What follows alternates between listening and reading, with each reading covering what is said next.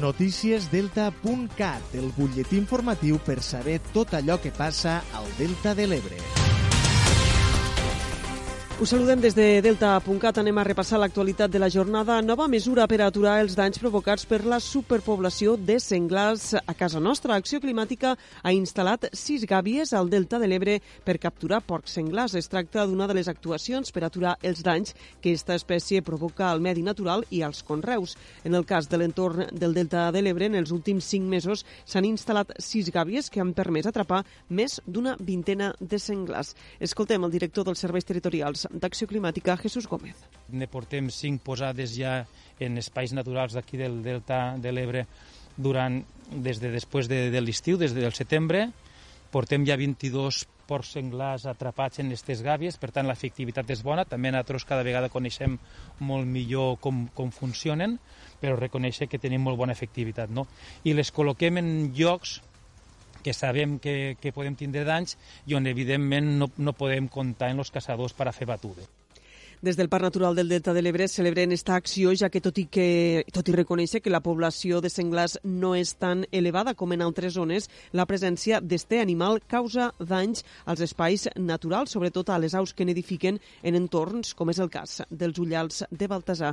Escoltem Francesc Vidal, director del Parc Natural del Delta de l'Ebre.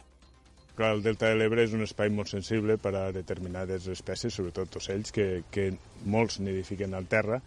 I, eh, les aus marines seria un exemple, però també eh, espècies d'aus cinegètiques, per exemple, ànecs, fotges, etc. No? I tot això eh, és un, un, un risc molt gran tindre una població de senglars eh, alta perquè són depredadors potencials de totes aquestes espècies que estan protegides i que tenen un gran valor des del punt de vista de la conservació aquí al Delta. No? Al conjunt de les Terres de l'Ebre s'han instal·lat un total de 15 gàbies i la voluntat del Departament d'Acció Climàtica és col·locar-ne una desena més. Seguim amb més qüestions. El Consorci d'Aigües de Tarragona ha posat en marxa una planta de llum ultraviolada a l'ampolla per tal de millorar la potabilització de l'aigua. Ens ho explica Andreu Miralles. Les noves instal·lacions de llum ultraviolada de l'estació de tractament d'aigua potable del Consorci d'Aigües de Tarragona marcaran un abans i un després en la gestió de l'aigua. Es tracta d'una instal·lació única a Catalunya pel que fa a les seves dimensions i capacitat i funcionarà com un últim filtre per guanyar qualitat i seguretat en l'aigua que acabarà arribant al consumidor.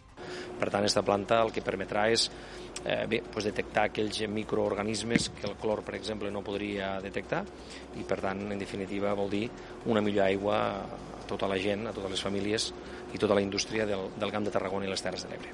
La inauguració d'aquesta nova planta s'afegeix al ja procés de digitalització en el que està immers el CAP. I passos com el que fem avui doncs jo crec que suposarà no? una, una gran eh, oportunitat per seguir fent el que sempre hem fet, eh, prestar el, servei als nostres consorciats en les màximes garanties, conscients que estem fent i que ens estem situant a l'aparador eh, internacional com a referència i jo crec que això ens ha de fer sentir orgullosos a nivell de territori les instal·lacions han comptat en una inversió de 3,8 milions d'euros i han estat cofinançades al 50% juntament amb l'Agència Catalana de l'Aigua. Encara temps eh, per afegir que l'equip infantil femení del Club de Rem Delta ha aconseguit l'or al Campionat de Catalunya de llarga distància que s'ha disputat finalment este passat cap de setmana a Sant Jaume d'Enveja. Els representants del Club Nàutic Banyoles van aconseguir la primera posició per clubs al campionat, si bé els equips ebrencs van aconseguir també un bon botí de medalles.